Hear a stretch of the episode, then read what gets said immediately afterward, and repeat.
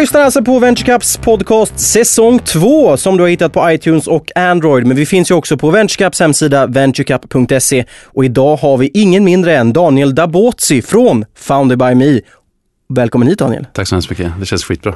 Först och främst Daniel, du skrev precis, eh, eller skrev härom veckan eh, på din Facebook-sida att ni har nått 3 miljoners gränsen för crowdfundade kronor. Exakt. Founded by Me. Ja, det är, det är galet. Det är betydligt mindre än vad vi, hade, vad vi siktade mot, men betydligt, betydligt, betydligt mer än vad vi hade hoppats på. Uh, ännu sjukare är att vårt uh, andra segment som är Funded Equity som innebär att du ger bort andelar i en bolag eller idé. Uh, där finns lite över 114 miljoner kronor i dagsdatum som väntar på rätt startup eller rätt entreprenör.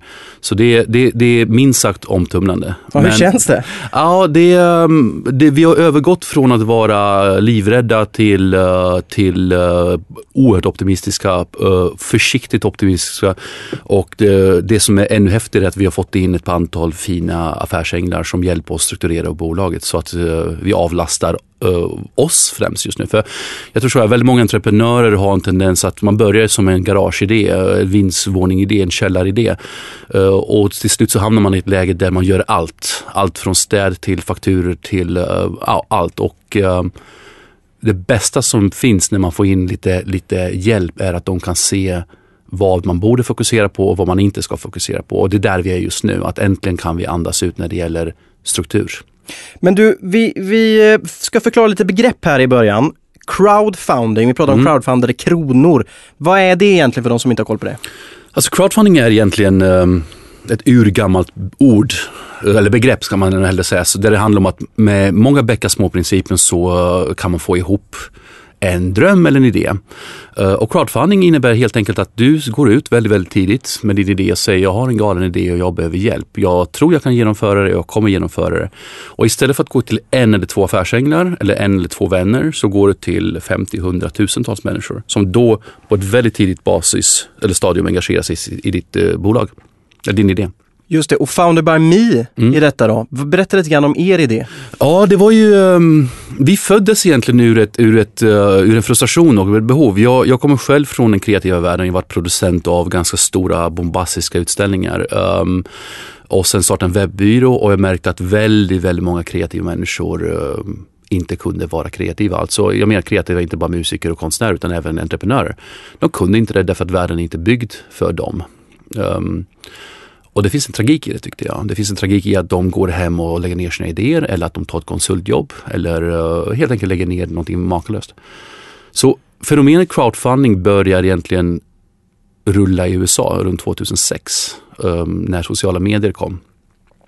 Um, det exploderade ganska stort 2010 när Kickstarter och Indiegogo tog fart.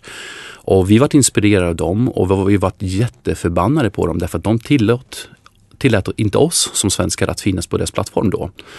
Eh, så vi kände att vänta lite, om de fryser ut oss som har en jättebra idé som behöver crowdfundas, då fryser de ut andra och därmed bör det finnas ett behov i världen. Så vi gick ut till våran crowd, alltså våra vänner och bekanta och okända människor på Facebook och sa, hörni, vi har en galen idé. Vi ska samla upp lite pengar till den. Uh, hakar ni på? Och det, det var ju främst inte för att få ihop cashen, för det var ju mest för att validera idén. Är vi på rätt väg? Fattar folk eller inte? Uh, så vi satte igång. Uh, crowdfundade i en tre månader ungefär. Um, när vi fick... På e, e egen idé alltså? På egen idé, mm. exakt. Vi byggde bara någon, någon sajt. Men så gick vi ut och pratade med alla som vi gick att prata med. Och när det började rulla in cash och inte från vänner och familj, alltså från främlingar. När någon gick in med 150 spänn eller 500 spänn. Då började vi känna, vänta lite, vi är på rätt väg. Eh, min kollega Arno, min medgrundare, han kodade som en galning i, jag tror 31 dagar. Och vi lanserade första mars. Och men, som med allt annat inom startupvärlden så är man ju aldrig färdig. Så det var ju en ganska ofärdig produkt. Men vi kom ganska snabbt igång. Främst därför att folk litade på oss. Och det innebär att de litade på oss och vågade lägga upp sin eh, projekt på oss, hos oss. Men, men, bara tillbaka då, så att man kan säga att det är en plattform där, där vanliga människor kan lägga upp sina projekt och få, den, få dem... Eh... Exakt. Det är, det, är, det är ett plattform där du ska söka pengar, det är det vi mäter. Men det är en plattform där du egentligen validerar din idé. Eh, tidigt och du får en indikation på om du är på rätt väg. Du får en indikation om du är rätt person att driva. Det kan ju vara så att du är inte rätt man eller tjej att driva det. Det kan vara så att du behöver ta in en partner som är bättre på sälj eller bättre på paketering. Så det är ju ett verktyg som man egentligen, vi vill att det ska vara första steget efter man fått idén. Uh, det har blivit tyngre dock. Det har blivit mycket seriösare än så. Det är inte bara en idétestningsplattform utan nu har det blivit så att folk kommer med pengar till plattformen och söker bra idéer som de gärna vill gå in tidigt. Och Founder by Me då? Vi backar bandet. Hade vi haft någon ja. form av rullband ja. här nu så hade det varit en liten effekt. Till 20, oktober 2010. Ja. Vad var Daniel då i livet? Oktober 2010, då var, då gjorde jag hemsidor åt en massa kunder. Uh, hade en liten webbyrå och hade börjat drömma om, uh, om uh, crowdfunding. Vi hade just tagit beslutet att vi skulle satsa. Jag fick idén i en bil mellan Jönköping och Stockholm. I, uh, glamoröst. glamoröst. I slutet av augusti uh, 2010 så fick jag idén att shit, vi kanske borde öppna en crowdfunding-sajt. Och uh, jag vågade knappt ringa hem till Arno och Erik och säga, hörni, jag har en galen idé. För jag tänkte, tänk om de sågar min idé, för den var galen. Men så ringde så tyckte de, men du har någonting där. Men från den här bilturen då mellan Jönköping och Stockholm, hur, hur tog ni er vidare sen då? Ni hade, du hade idén och liksom... Vi hade idén, vi bestämde oss um, för att göra det. det, var det jag tror det är det första man måste göra som startup, att bara säga fuck it, nu gör vi det här. Vi, vi chansar. Så jag, jag började egentligen prata med folk. Jag pratade med allt uh, uh, Carlos Rojas, uh, Janne Åman, Mikael Down, uh, Henrik Silfeldt som är marknadschef på Citroën, uh, kodare, min fru, min pappa etc. Jag började bara bolla min idé med dem och alla hade ju input. Uh, någon fattade ingenting, någon fattade allt, någon tyckte gå den här vägen. Uh, men majoriteten tyckte att mitt driv var uh, intressant. Men du gick ut och frågade och det, om man backar liksom så här och kollar lite grann på entreprenören så är oftast det Oftast möter man ju entreprenörer som inte riktigt vågar gå ut och fråga och bolla sina idéer. Mm. Det, liksom, vad, vad, tror du, vad tror du att det beror på? Jag tror det beror på helt enkelt att man inte ska göra det om man inte vågar göra det. Utan det är då man ska partnera upp med någon som vill göra det. Jag tror det handlar om att ta tillvara på sina styrkor och färdigheter. Är man en sån som inte vågar gå ut och prata med folk, då ska man förmodligen antingen rycka upp sig och göra det om man är ensam eller se till att man partnerar upp med någon som faktiskt gillar det jag, menar, jag, jag trivs ju i rampruset, jag trivs i möten, jag trivs väldigt dåligt bakom ett skrivbord. Um, så min styrka är ju det, att gå ut och prata, entusiasmera folk och, och, och, och, och se till att de hakar på. Medan min kollega Arno, han är också bra på det, men han är mycket, mycket, mycket bättre på att vara strukturerad bakom tangentbordet. Så jag tror så här, du, du har ju två alternativ. Antingen att du utgår ifrån att folk faktiskt vill träffa dig, för det vill de. Eller att du gör med någon som gillar det. Men om vi säger så här, nu, nu handlar det här podcasten om att backa bandet och jag tycker, jag tycker låt oss backa bandet igen. Alla kan inte partnera upp med folk, man, hit, man känner inte alltid folk. Så det, det, det jag brukar säga till folk där är, börja med början. Jag måla upp en stor elefant eh, och sen tänk, ja men hur käkar jag upp den här elefanten? Och svaret är helt enkelt, det är en tugga i taget. Och när du har koll på tuggorna, det är då det blir överblickbart. Så till exempel, ett knep är att ringa till folk och säga, hör du, kan inte jag bjuda dig på en fika? Jag vill bara lyssna på vad du gör, sen ska jag berätta vad jag gör och vi kanske kan samarbeta eller jag kanske kan uh, lära mig din metod. Men att gå ut och, och, fråga folk då, lite grann som er plattform också handlar om att validera sin idé och verifiera sin idé kanske mm. framförallt. Mm. Eh, är, är det, det kanske det bästa sättet att gå ut och fråga folk? Många tar ju risker idag när man startar någonting. Man säger upp sig från jobbet för tidigt, man tar en banklån, man har mormors eh, arvspengar och stoppar in i någonting som um, man egentligen inte bort, borde gjort det. Det finns ett jättefint exempel här i Stockholm, Flipping Burger, som jag var och käkade på igår. Um, han är en konsult, eller han var en konsult på en konsultföretag och drev en hamburgerblogg som var väldigt populär och han ville öppna hamburgerrestaurang. Banken säger, skärp dig, du är ingen kock. Almi säger marknaden är mättad, han får inga lån. Så han, han har ju, han kan ju gå den vanliga vägen att han stoppar in egna pengar eller säger upp sig eller vad vet jag. Men han går ut till marknaden istället via Fundebami. Och han gör en pytteliten kampanj, 36 000 kronor. Han sökte bara 30, han fick 36. Men det intressanta var att 186 pers tyckte att det här var värt pengar att satsa på. 186 pers gick in och sa vi tror på dig. Det gjorde att han kunde då sätta igång. Han kunde då också gå till banken och säga titta jag har validerat min idé, marknaden vill ha min produkt, ge mig banklånet och det fick han. Men han vågar också anställa. Han vågar ta, skriva upp sig på ett treårigt kontrakt. Han vågar börja bygga en restaurang. När han sen stötte på fläktproblem i november, då gick han till sin crowd och frågade om hjälp. Och nu har han ilandsproblem. Han har för mycket business. Folk står i kö fortfarande dagligen för att komma in. Igår var det 45 minuters väntetid. Men vänd på bandet, apropå va va validering. Hade han inte blivit viral, hade inte Flipping Burgers blivit stort på Funded by Me, då skulle han ju inte sagt upp sig. Då skulle han ju tänkt om. Då skulle han um, ompaketerat sin idé eller siktat på något annat och han skulle lärt sig det. Och det, det är någonstans det, det jag siktar mot. Jag vill komma till en punkt om ett år, två år där varje startup, varje entreprenör ska få den första frågan. Har du me? Har du crowdfundat? Mm. Och då ska svaret vara ja, vi blev virala, nu ska vi ta steg två. Nej, ingenting hände, vi tänkte om och därför är vi bra nu. Eller tre, vi, vi har någonting hemligt, vi kan inte crowdfunda. För så är det, det är så, crowdfunding funkar inte ifall har du en hemlig produkt då ska du inte lägga ut det på nätet överhuvudtaget. Hemliga produkter ska du skydda och sådär. Så det är det vi vill vara, vi vill vara den här första instansen. Men, men det riktigt intressanta är att när du väl har crowdfundat bra, ungefär hälften av projekten går det bra för, så blir det väldigt instinktivt viralt och då blir det också du får vind i seglen, du får pengar på kontot och du får folk som faktiskt arbetar för dig som ambassadörer. Och för startup är det ovärderligt. Men vi går tillbaka till hemsidan då. Ni kodade mm. den på 31 dagar. 31 det låter ju lite, lite galet bara det. Mm. Men hur fick ni då, när hemsidan var klar, hur fick ni folk att faktiskt börja använda den, lägga upp projekt um, och ännu mer. När vi väl visste att vi skulle faktiskt ro det här i land, alltså inte att vi skulle avsluta crowdfunding-kampanjen men att vi faktiskt skulle lansera. Då sa jag till mina kollegor Arne och Erik att vi ska sikta på första februari som lansering. Så visste jag då att sådana här projekt tar längre tid. Så initialt, utan att tala om för dem, så tänkte jag första mars.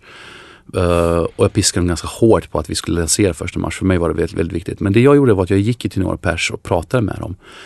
Um, ett var bandet Lemur som jag kände sedan tidigare. Och som jag sa, hörni, jag tror det här är väldigt bra för er inför nästa skivsläpp. Och de var jätteglada att jag trodde på dem. Och jag sa till dem, att jag skulle betala 150 spänn för en skiva utan problem. Jag skulle betala 250 spänn om jag fick en plansch etc. Eh, så de tyckte det var kul. Så vi, vi, vi möttes några gånger och till slut så, de, så la de upp sitt projekt. Sen hade jag, jag hade ungefär 19 signade eller uplinade människor som skulle öppna samtidigt med oss. Eh, 12 gick live med oss. Eh, några hade som tur var hört mig prata på universitetet. Jag, jag höll en föreläsning för projektledarna på Stockholms universitet. Och eh, tre stycken därifrån kom till mig och också körde live. En var en, ett a cappella-band och ett var en poesibok. Nu skäms jag lite grann, men jag minns inte alla nio projekt eller tolv projekt som gick live. Men, men det var folk som vi egentligen, antingen som vi kände som vi approachade eller som approachade oss efter de hade hört det från någon. Um, jag är så himla tacksam att jag, det jag gör är ju väldigt viralt. Folk snackar med varandra. Men sen vet jag också att beslutsprocessen är lång. Från att du hör talas om fenomenet till att du funderar på att lägga upp det till att du faktiskt vågar lägga upp det. Det kan ta en tre, fyra, fem månader och det här vet jag därför att jag själv gått igenom processen. Så även om till exempel just nu, jag vet att väldigt många är sugna på att använda crowdfunding. Antingen är de inte riktigt redo eller så funderar de eller så tittar de lite till för att se vad är den bästa uh, alternativet för dem.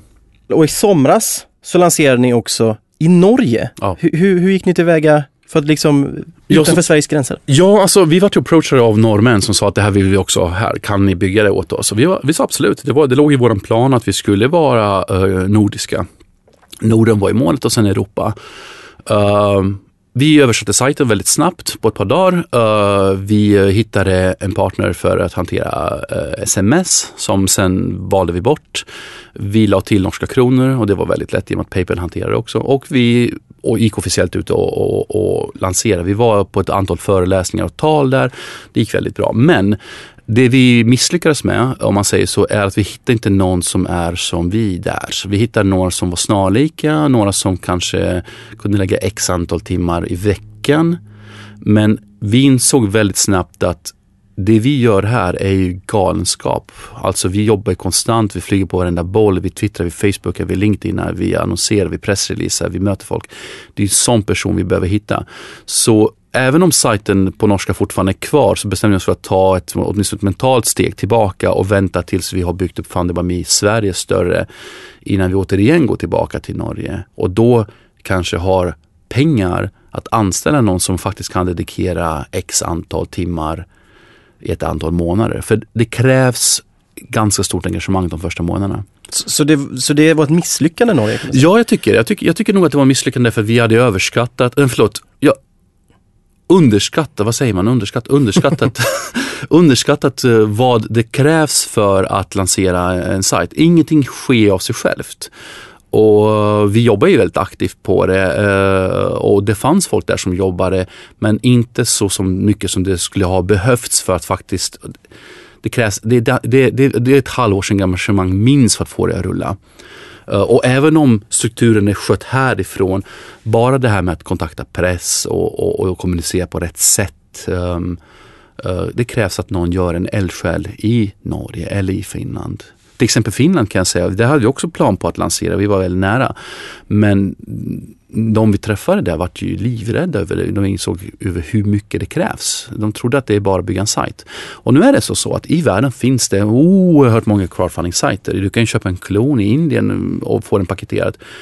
Men majoriteten dör. Majoriteten själv dör av att det är ett jättestort fotarbete för att få igång det första och för att få igång tilliten. Tilliten är jättestor och för att folk ska ha tillit så krävs det att allt funkar felfritt, att du är tillgänglig, att du är entusiastisk, att du är rolig eh, etc. Um, ehm, så det vi ser när det gäller crowdfunding-sajter i världen är att många kommer som sagt, som jag sa, självdö. Några kommer nischa sig enormt, alltså bara köra för sci-fi, eh, film till exempel. Medan några kommer förmodligen gå ihop. Och det är lite grann av våran mål också. Att vi ska bli antingen så stora att vi partner ihop oss med de större aktörerna eller att vi söker de mindre aktörerna som vi vill ha nära oss i Europa eller i världen.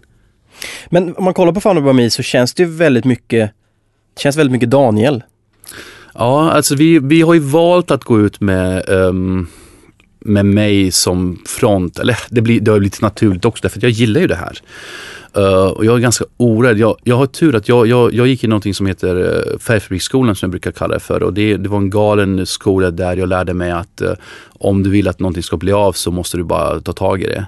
Det är inte riktig skola utan det var en utbildning som var hands-on i Konsthallen, Färgfabriken. Uh, och det var där jag lärde mig att du måste ringa luren, du måste upp luren nu. Du måste mejla folk nu, du ska boka ett möte nu, inte om fem veckor. Varje vecka är jätte, jätte, jätte, jätteviktig i, i en utveckling. Så det är där någonstans tror jag det genomsyrar allt vi gör. Vi har ju som jag, som jag nämnde tidigare att vi har veckoplaner som vi ska åstadkomma. Vi, vi har verkligen styckat upp elefanten i väldigt många tuggor. Visserligen har vi årsplaner och tvåårsplaner och allt det där också men det blir så oöverblickbart så uh, antingen så orkar man inte jaga det eller så blir det för stort. Så vi har ju veckoplaner för att både se om vi lyckas med våra mål men varför vi inte lyckas med våra mål. Ibland så kan det vara så att vi inser att nej men vi var för optimistiska. Eller att vi var inte tydliga nog. Men sen tror jag också att att ha veckomål i ett bolag gör ju också att du som entreprenör om du gillar omedelbar eh, respons, instant gratification som det heter på engelska, då får du det varje vecka. Varje vecka åstadkommer du någonting. Varje vecka kan du därmed nästan ha en nyhet som du kan gå ut med. Därför att du vet vad saker och ting görs. Ännu bättre är också att alla i organisationen vet vad alla gör. Och så slipper man gå varandra på tårna och slipper jaga varandra kring detaljer. För det är ju lite grann, oftast när man pratar om företagande så pratar man ju om, precis som du säger, treårsplaner eller femårsplaner. Ja. Är, är det liksom att sätta upp en veck veckoplaner, är det någonting som du, som du kanske rekommenderar till? Absolut. Jag, jag, när jag startade Fanny och, och Dabber tidigare så hade jag panik över allt som behövde göras. Och min fru är lärarinna. Så hon berättade för mig om hur, hon lär småbarn äh, lära sig skriva och läsa. Och där gör de att de styckar upp allting. De har två månadsplaner, tre månadsplaner, halvårsplaner, ettårsplaner. Men sen styckar de upp det till just det ett, en veckas planer. För att barnen har ett jättebehov av att snabbt se resultat. Och jag tror startups, entreprenörer, kreativa har exakt samma behov. Eh, 65-åriga VD har också exakt samma behov. Vi vill veta att vi har gjort någonting vettigt. Det är då man mår bra, det är då man är lycklig. Eller omvänt, jag har haft en dålig vecka. Nu tar jag en paus en dag. Nej, nu, nu, nu, nu, nu har jag inte lyckats med mitt mål. Då hinner man snabbt tänka om. För det kan ju vara så att vissa bollar ska man inte springa på. och det lär man sig då väldigt, väldigt snabbt istället för att fyra månader senare säga, vänta lite, det var helt fel satsning. Um, självklart funkar det här bara i små organisationer eller små grupper men de flesta är ju små. Även om man jobbar på ett 60 000 anställdsbolag, man är fortfarande i små grupper. Så jag kan varmt rekommendera det. Jag tycker det funkar för oss, det funkar uppenbarligen i skolvärlden. Um, och det är roligt. Problemet är, jag säga, det finns ett roligt problem med det, är att man blir beroende. Man blir beroende av instant gratification. Man vill ha de här korta belöningarna konstant. Liksom. Vad gjorde vi den här veckan? Vad, vad kan vi pressreleasa om? Och vad, vad kan vi gå ut på Facebook om? Vi pratade lite grann om, om Norge, vi pratade lite grann om Fanny och mig, att det är väldigt mycket Daniel. Mm. Tror du att det finns ett problem med att det är väldigt mycket Daniel om man kollar just på Norge? Du säger att det hade behövts någon som mig på plats mm. i Norge. Mm. Finns, finns ett problem? Nu, ja, alltså, I början var det Daniel och Arno och Erik. Erik hoppade av. Och nu är det Daniel, Arno, Pontus, Katrin.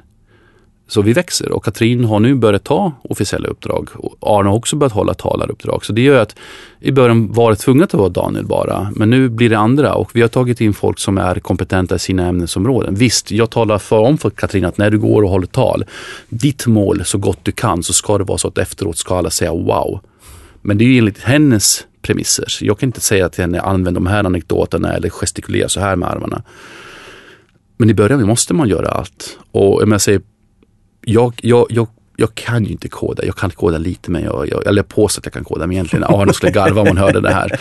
Men uh, um, jag bör inte göra hans jobb utan han ska göra sitt jobb. Men ibland så är det viktigt att uh, jag gör hans jobb för att jag ska förstå vad han går igenom. Ibland är det viktigt att han går ut och har möten och håller tal för att se uh, vad går jag igenom. För det är inte så jävla lätt alltid. Det med, ibland får man tuffa frågor från publiken, ibland får man tuffa frågor i möten och då måste man antingen svara ärligt och säga att jag vet inte, jag ska kolla upp det eller jag vet inte och jag vill inte kolla upp det. Eller att man faktiskt improviserar och åtminstone svarar.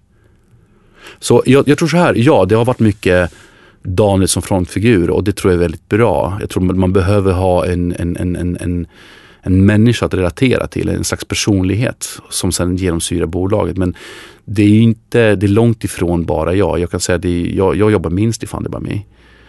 Um, ehm, det finns andra som är betydligt mer kompetenta än jag. Och jag, vi har också tänkt från dag ett att vi, det får inte bli beroende av mig. Jag, jag, ska kunna gå på semester, jag ska kunna bryta benet, jag ska kunna uh, resa bort. Det har gått väldigt fort ändå får man säga med Founder by Me. Mm. Eh, vad har vad varit svårast tycker du?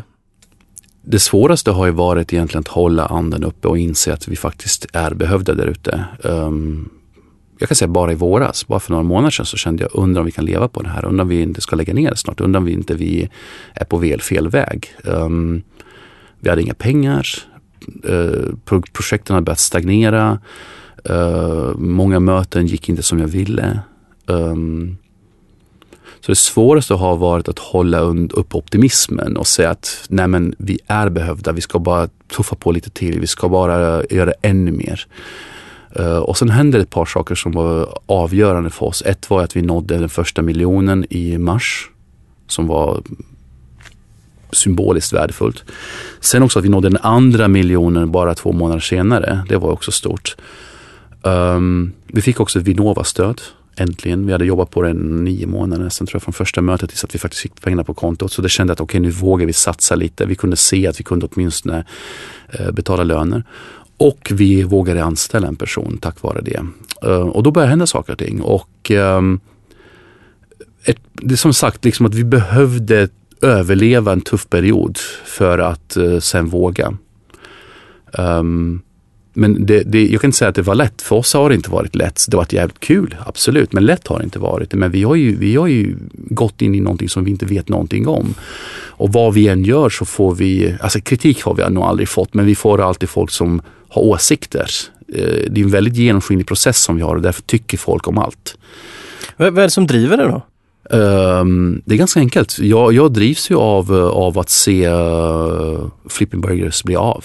Uh, jag drivs av att inte se folk fastna i, i uh, dead end jobs eller, eller lägga ner sina kreativiteter. Jag trivs av att para ihop folk. Jag, jag älskar att sitta i ett möte och säga, ah, men du, du ska träffa den här personen för jag vet att den personen vill träffa dig. Så jag drivs av att se andra lyckas. Um, jag tycker inte jag har lyckats. Jag, tycker inte, jag vet inte om jag någonsin kommer att tycka att jag har lyckats. Jag vet att jag har kul och jag vet att även om jag har slutkört hemma så tycker min fru och barn att jag är trevlig i alla fall. Uh, därför att de ser mig brinna. Men jag mår som bäst när jag ser saker och ting bli av. Uh, alltså se andra projekt bli av. Um, så det är egentligen det jag trivs av. Jag skulle vilja komma till en punkt i livet när jag skulle säga okej, okay, wow, vi, vi, vi, vi förändrar någonting på riktigt. Eh, och jag vet att det är en klyscha, jag vet att alla säger det. Och, och, och, men jag menar det någonstans också, men jag, jag har faktiskt sett saker bli av. Um, små saker, jag kan säga så här, du vet, jag nämnde vokalorkestern som var en av våra första projekt på Fandemami. Uh, eh, jag stötte dem en hundring för att de skulle åka på en resa och de sa att för en hundring får en sång tillbaka. Och eh, på valborgsmässoafton 2011 så vart jag kontakt och sa nu ska du få din, våran, din sång. Vi ska sjunga en sång till dig i Gamla stan. Så sa nej men det är pinsamt, vi får sjunga en sång till min fru istället. Så gick vi runt där i Gamla stan, det var ganska sent på kvällen, halv nio på kvällen, regnigt, kallt. Min, min, min, min sex, då var en sexåring och min fru jag tyckte bara, men kan vi inte gå hem pappa? Um, så sa men vänta vi ska bara gå in i den här kulverten. Um, just där mot helikopterplattan, lite så här ruffigt. Och, så går vi dit och där står sex killar och helt plötsligt så börjar sjunga Caravan of Love till min fru. Uh, hon var ju lyrisk. Jag, med. jag kan säga att det var den bästa hundringen jag någonsin uh, spenderat. Uh, och än idag kan jag tycka sånt är häftigt. Att min hundring och mångas hundringar tog dem på en resa. Sen kom de tillbaka och gav mig en sång som jag gav till min fru och det stärkte min, min relation. och jag fick en väldigt vacker anekdot att, att berätta. Allt på grund av en enda liten hundring och allt tack vare att Fanny finns. Det tycker jag är häftigt. Avslutningsvis nu Daniel. Mm. Dina, vi, vi brukar avsluta de här podcasten med att vi vill höra dina tre bästa tips till andra entreprenörer som vill, som vill göra kanske mm. samma resa som du har gjort. Absolut. Vi börjar med uh, ett. Ett. Ring någon. Kort och gott. Kort och gott. Ring någon innebär ring någon som du kan fråga om råd. Eller ring någon som ska ge dig ett möte. Eller ring någon som du uh, vill uh, lira med. Men, men jag menar ring, e-maila inte. Ring. Ring personligt, ring kan du, du kan läsa, lyssna av en stämning och ring, ring ögonblicket. Det är gammaldags men ring någon. Och tips nummer två, nu ringer det här också. Du är kanske Stockholms mest upptagna man just nu. Tips nummer två. Tips nummer två, um, sätt dig själv inte på första plats. Eller sätt dig själv, sätt teamet och din idé före dig. Därför att det är dem du ska ta hand om och förvalta. Och tips nummer tre? Tips nummer tre, gör det nu. Säg upp dig, öppna sajten, bygg det. Vad, du, vad det än handlar om, gör det nu. Och jag, jag ska säga så här, jag är den största personen som skjuter grejer fram till tiden och jag, jag kan snosa 19 gånger varje morgon om jag fick. Uh, så jag är expert på att uh, procrastinate. Men svaret är fortfarande, gör det nu. Och de, med de orden avslutar vi det här. Daniel Dabotzi, tusen tack för att du kom hit. Vi har dragit över något så in i hela friden här. Oj, oj, oj. oj. Ja, men, men Daniel... du, sa, du sa en timme till mig, så var det 25 minuter i verkligheten visade det sig. Daniel, tack så jättemycket och tack för att ni har lyssnat. Den här podcasten hittar ni på Venturecaps hemsida, venturecap.se. Eh, tack för tack den här Tack så hemskt mycket. Kul att, kul att ni lyssnar.